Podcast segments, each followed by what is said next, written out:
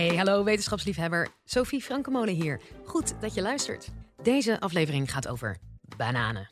De banaan is de meest gegeten fruitsoort ter wereld, maar voor hoe lang nog? In deze aflevering legt fytopatholoog Gert Kema van Universiteit Wageningen uit hoe een hardnekkige schimmel over de hele wereld bananenplantages verwoest. In Wageningen hebben Kema en zijn collega's een oplossing bedacht die de banaan hopelijk gaat redden. Dit is de Universiteit van Nederland. Wanneer at jij voor het laatst een banaan? Misschien met je ontbijt?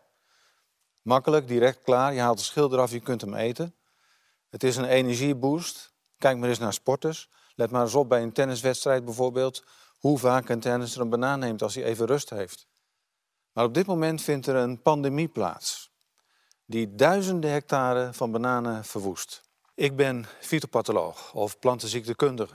Wij bestuderen hoe planten zich beschermen tegen belagers. Of wat die belagers precies doen om die plant ziek te maken. Maar wij helpen die planten ook om zich te beschermen tegen die belagers. Heb je wel eens een zieke plant gezien? Net als bij mensen en dieren kunnen planten ook ziek worden door bacteriën, virussen, schimmels of aaltjes, kleine wormpjes in de grond, insecten. Als een plant ziek wordt, dan is dat eigenlijk een uitzondering. Want de meeste planten die kunnen zich uitstekend verweren door hun immuunsysteem tegen al die pathogenen. Maar soms weet zo'n pathogeen, zo'n schimmel, die weet het immuunsysteem van zo'n plant te omzeilen. En dan wordt die plant ziek. En als er één plant ziek is en er staan meerdere planten naast elkaar van dezelfde soort, dan is de kans heel groot dat die andere planten ook ziek worden. En als een heel veld vol staat met dezelfde planten, en dat is wat er gebeurt in de landbouw, dan kan zo'n heel veld ziek worden. En wat zou er dan wel niet gebeuren als er heel veel van diezelfde velden naast elkaar staan? Die worden natuurlijk ook allemaal ziek. Nou, al die verschillende velden naast elkaar, dat noemen we een monocultuur. En banaan, dat is nou een echte monocultuur. Ik zou zeggen een van de laatste. Die hele monocultuur die wordt gedomineerd door een ras dat heet Cavendish. 50% van de productie op aarde, dat zijn Cavendish bananen. En als je alleen naar de export kijkt, dus dat zijn de bananen die wij eten, die vanuit de tropen hier naartoe komen, 95% van die hele exporthandel zijn Cavendish bananen. Komt dat ook voor in andere gewassen bijvoorbeeld? Nou, kijk maar eens in de supermarkt. Appels, te kust en te keur. Verschillende kleuren, verschillende smaken. Maar bij banaan, dat is gewoon één en dezelfde banaan. Welke sticker er ook op zit en naar welke winkel je ook gaat. Of het nou de Lidl is, de Jumbo of Albert Heijn, of het nou een eco-banaan is of niet. Het is allemaal Cavendish. Dus als er één plant ziek wordt, en die Cavendish staat over de hele wereld, dan is het risico dat al die planten ziek worden. Nou, dat is in het verleden al eens eerder gebeurd. Bij een banaan die we Gros Michel noemden. En die ziekte die noemen we Panama-ziekte, of Panama disease. En wordt veroorzaakt door een hele reeks schimmels uit het geslacht Fusarium. Die komen oorspronkelijk uit Zuidoost-Azië, net als waar de banaan oorspronkelijk vandaan komt. En die schimmelziektes die hebben honderdduizenden hectare van dat ras Gros Michel in Centraal-Amerika verwoest. Overal schimmels en die schimmels hebben zich vervolgens ook wereldwijd verspreid. En dat had een gigantische impact op de economie, op werkeloosheid. En natuurlijk ook was er een veel kleiner aanbod van dat ras. Totdat men Cavendish ontdekte. En dat was dé oplossing. Die Cavendish-bananen die zijn namelijk resistent. Die hebben een actief immuunsysteem tegen die schimmels die Gros Michel ziek maken. Dus je kunt je voorstellen, overal waar Gros Michel ziek werd, zetten we Cavendish-planten neer. Problem solved. Hoeven niks meer te doen, kunnen we achteroverleunen. En dat is inderdaad ook gebeurd. Daardoor is die Cavendish zo enorm uitgespreid over de wereld en neemt hij nu 95% van de export voor zijn rekening. Maar je voelt al een beetje aankomen, zo'n monocultuur is een risico. En dat is wat er nu aan de hand is. Er is een andere fusariumsoort, ook uit Zuidoost-Azië, Indonesië. En die noemen we nu Tropical Race 4, of TR4. Nou, die fusariumsoort is een bodemschimmel. Die zit in de bodem en die komt via de wortels komt hij de plant binnen. En die veroorzaakt daar een verwelkingsziekte, want het is een vaatpathogeen. Net zoals bij mensen heb je hart- en vaatziekten, zo heb je bij planten ook vaatpathogenen. Nou, die fusarium, dat is een vaatpathogeen. Die groeit door de vaten van de plant heen en die gaat die verstoppen. Zodat voedsel niet meer getransporteerd wordt en ook geen water. Dus die plant die gaat verwelken. Die wordt geel. En die bladeren die gaan hangen. Je ziet die hele vergeling aan de buitenkant, die zie je ook optreden. als je dan zo'n plant van binnen zou bekijken, die zit helemaal verrot en verstopt. Die vaten die zitten helemaal vol met miljarden sporen. Sporen, dat zijn eigenlijk de zaden van een schimmel. Zo verspreidt die zich. En wat kun je daar nou tegen doen? Dat is natuurlijk wel een belangrijke vraag. Want als dit één keer in de grond zit, kun je daar geen bananen meer telen. Een van de dingen die gedaan wordt, bijvoorbeeld in de Filipijnen, is dat ze zo'n geïnfecteerde plant helemaal in stukjes snijden. En er worden dan zakken met het kaf van rijstplant overheen gestort. Totdat er een hele berg ontstaat. En die wordt dan in de fik gestoken. En daardoor denken ze dat ze die schimmel in de grond afdoden.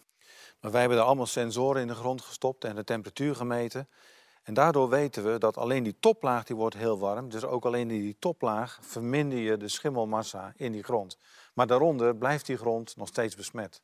En niet zomaar even, die blijft jaren besmet. Die schimmel die kan prima overleven in de bodem. Die maakt sporen met een dikke wand die goed tegen overleving kunnen. Maar die schimmel kan ook andere planten infecteren. En die planten worden niet ziek. Dus hij gedraagt zich in de ene plant als een vijand, in banaan. Maar als hij bijvoorbeeld in de onkruid gaat zitten, is het een vriend. Hij is binnen, maar hij doet verder niets.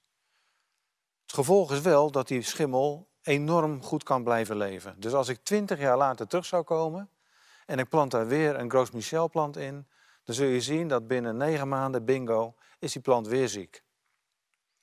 Nou, wat we in het verleden in Gros Michel zagen in Centraal-Amerika, die geschiedenis die herhaalt zich. Tropical Race 4 die is zich wereldwijd aan het verspreiden.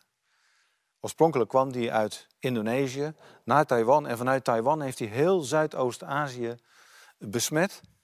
Daarna het hele Indische uh, subcontinent, Afrika, Mozambique, zelfs in Engeland in een tentoonstelling. En uiteindelijk ook in Latijns-Amerika. je zult je misschien afvragen, hoe kan dat? Het is een bodemschimmel. Het probleem is, dat zijn wij, mensen. Wij reizen de hele wereld over. Dus ook mensen in de bananenbusiness, mensen die in bananenplantages werken, die nemen hun kleding mee, hun schoeisel, gereedschap. En stappen van de ene plantage in de andere. En zo besmet je plantages waar triafor nog niet voorkwam. Cavendish was dé oplossing. Wordt wereldwijd verbouwd. Maar nu gaat hij ten onder aan zijn eigen succes. Je zou zeggen, het wordt tijd voor een nieuwe banaan. Nieuwe rassen, dat is wat we nodig hebben. En dat kan. Voor heel veel gewassen wordt dat ook gedaan. Dat noemen we plantenveredeling. En daar zijn we in Nederland ongelooflijk goed in. Voor heel veel verschillende gewassen zijn er grote veredelingsbedrijven in Nederland die absoluut leidend zijn. Alleen bij banaan gebeurt dat niet. En dat is ook lastig, want kijk maar eens in een banaan als je hem eet. Heb je ooit wel eens een zaad gezien in een banaan? Hooguit kleine stipjes en dat zijn wat zaden hadden moeten zijn. Maar de bananen die we eten, er zit geen zaad in, maar een wilde banaan zit vol met zaden. Die zaden zijn ongeveer zo groot als een ert. dus de bananen die wij eten, die vermeerderen klonaal. Je hebt dat groeipunt van die banaan en er komen nieuwe scheuten uit. Dus als je één grote stam hebt staan waar een tros aan hangt en die oogst je, dan gaat die stam weg en je laat zo'n scheut laat je opnieuw groeien. En dan duurt het weer ongeveer negen maanden en dan heb je weer een nieuwe tros. Maar die scheuten zijn natuurlijk exact hetzelfde. Dat zijn klonen. Zo wordt die plant vermeerderd. Zo vermeerdert hij zichzelf. Zaden die zijn natuurlijk wel verschillend. Dus als je nieuwe rassen wilt maken, dan ga je kruisen. Je zoekt ouders waarvan je de eigenschappen wil combineren. Dus ik heb bijvoorbeeld een resistente plant die niet ziek wordt door Tropical Race 4 en een andere die een prachtige tros heeft. Die twee kan ik combineren door ze te kruisen. En uiteindelijk selecteer je dan een plant uit die precies voldoet aan wat jij wilt of wat de consument wil. Met al de eigenschappen die je bij elkaar wilt hebben. Maar zo'n proces voor het maken van een nieuwe bananenras kost zeker 10 jaar. Zo lang kunnen die boeren die nu met Tropical Race voor te maken hebben, niet wachten. De grond schoonmaken zou fantastisch zijn. Maar wat we al hebben gezien, dat is heel erg lastig. Een hele pragmatische oplossing is natuurlijk, als al die problemen in de grond zitten, waarom haal ik hem niet uit de grond? Nou, dat hebben we in Wageningen gedaan. Dat noem je een substraatteelt. Dat is een teelt die voor heel veel gewassen ook gedaan wordt. Kijk maar eens in kassen. Die substraten, dat is bijvoorbeeld steenwol. Dat is een mat van een meter lang, 15 centimeter hoog, 20 centimeter breed. En in een kas zet je daar vier tomatenplanten op. Wat wij in Wageningen gedaan hebben, gezegd één zo'n steenwolmat, daar zetten we één bananenplant op. Het kan ook met kokosafval. Het mooie van dat substraat is dat het is schoon. En eigenlijk leg je een plant aan het infuus. Je stopt er een paar slangetjes bij, zodat hij voldoende water krijgt, voldoende voeding. En we hadden een perfecte oogst. Grote trossen. En die noemen we, die noemen we nu de nederbanaan. Hele efficiënte manier om een plant te telen. De vraag is natuurlijk wel, is dat efficiënt in Nederland? Maar voor het telen op zich natuurlijk wel. Water voldoende, voldoende voeding, maar bovenal geen last van schimmels, geen last van bacteriën, geen last van aaltjes.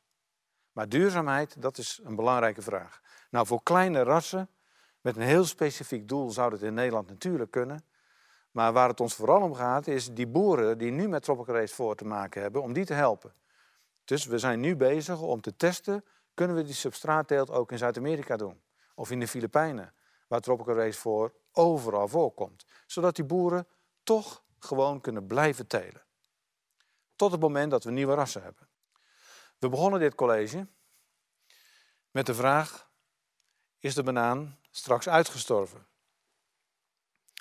We hebben gezien, er vindt op dit moment een grote pandemie plaats. Tropical Race 4 verspreidt zich over de hele wereld. Dus wat moeten we doen? Afremmen. Tijd winnen. Dat kunnen we door de grond schoon te maken, door nieuwe bananen te maken. En als jullie weer een banaan eten, denk dan vooral aan dit verhaal. En vertel het rond, want het gaat niet alleen om de banaan die wij eten, maar het gaat natuurlijk vooral ook om al die mensen voor wie banaan een basisvoedsel is elke dag. Bedankt voor jullie aandacht. Je hoorde Gert Kema.